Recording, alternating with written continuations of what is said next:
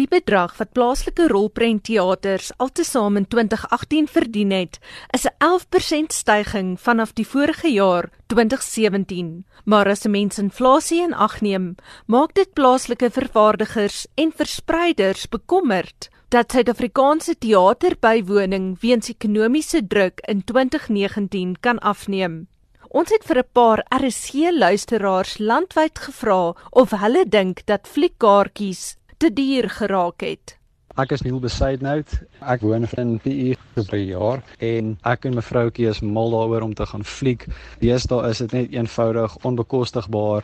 As gevolg van die prys, dan ruk dit baie baie geld uit jou sak uit vir een aand. Dit is net meer gerieflik om by die huis te fliek en met vandag se tegnologie en groot TV's wat 'n mens kan koop, is dit vir ons verskriklik lekker om by die huis sommer net te sit en 'n fliekie te kyk op 'n Vrydag aand. Dis Susanne Orendorff. Hier in Bloemfontein is verskeie inkopiesentrums waar daar flieks is. En ja, ek dink dit is nogal baie duur om te gaan fliek. Ons het die ander aand gaan kyk na 'n film en dit kos R79 'n kop en dit was 'n oulike fliek, maar dit is nog steeds baie geld. Ek en my seuntjie gaan fliek elke Saterdag. Die kaartjies is nie goedkoop nie, maar nou het ons maar soos baie mense het al hierdie spesiale kaarte wat vir dit goedkoper die helfte afslag gee. So dan is dit nie te duur nie. Die goederes wat nou eintlik duur is is die springmielies en die koeldranke en as ek net na die laaste jaar dink in 2018 het dit gekom met ek het nou geweet ek sit in my beursie nou 'n R100 noot en 'n R10 noot in dit was R108.80 vir ons twee vir elkeen vir 'n medium grootte springmielies en 'n medium grootte koeldrank.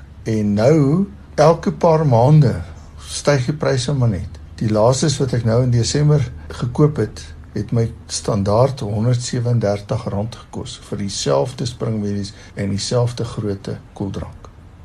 In 2018 was die drie rolprente wat die meeste geld by die Suid-Afrikaanse loket verdien het, almal internasionale lokettreffers. Dit sluit in Black Panther met 107 miljoen rand, Avengers Infinity War met 73 miljoen rand en Incredibles 2 wat met sy 48 miljoen rand 'n derde plek verdien het. Al drie die rolprente is op 3D-skerms uitgereik, wat beteken dat fliekteaters 'n hoër kaartjiekoste daarop kon hê. 'n 3D-kaartjie kan jou tot R107 uit die sak jaag of selfs R142 as dit by 'n IMAX skerm vertoon word. Nog iets wat die drie lokettreffers in gemeen gehad het, is die magtige Noord-Amerikaanse maatskappy Disney as verspreider. Dis het hulle bemarkingsveldtogte in Suid-Afrika gehad wat selfs gratis speelgoed by kitskoswinkels en apteke ingesluit het.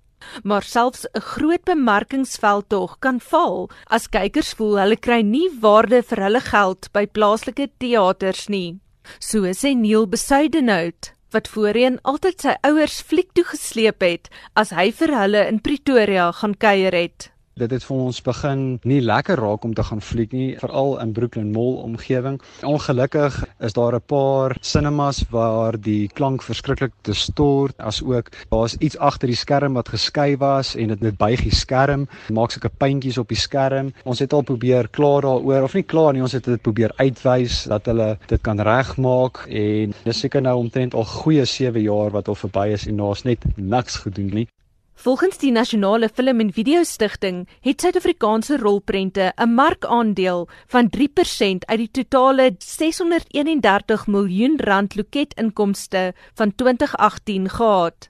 Dion van Vuren, wat 'n weeklikse fliekganger is, sê plaaslike rolprente is nie meer so volop by teaters soos wat dit in 2012 en 2013 was nie. Hy sê hy het begrip daarvoor dat tradisionele fliekteaters steeds as 'n besigheid bedryf word en dus dikwels eerder oorsese rolprente wys waarmee hulle verseker kykers kan lok.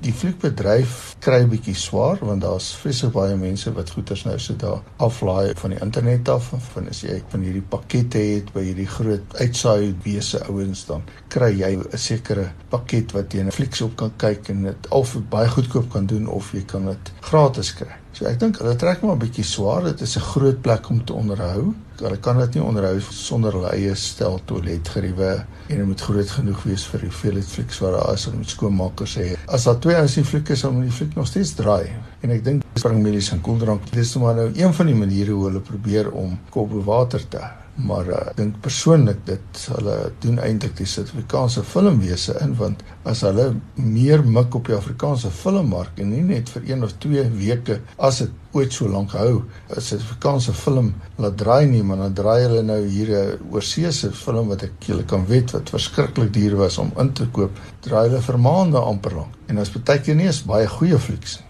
is onafhanklike teater dalk 'n uitweg Reginald Kanzi glo so. Hy is 'n vrywilliger by die onafhanklike Apollo Theater in Victoria Wes. Die rolprentteater het sy deure in 1930 oopgemaak en spog dus met 'n ryk geskiedenis en ook volgens Kanzi billike kaartjies. Here by us for kids the tickets would normally cost anything between 2 rand to 5 rand and then from 10 till about 16 anything from about 6 rands to about 15 rands and then for adults we are charging from 20 rands to 30 rands. But uh, yeah try to develop audiences here.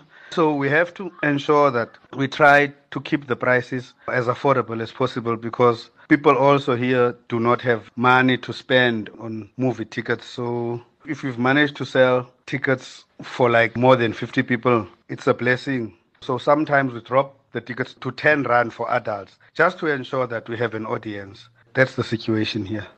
Reginald Kanzi, 'n vrywilliger by die Apollo Theater in Victoria Wes, en ek is Anne Marie Jansen van Vuren vir SAK nuus.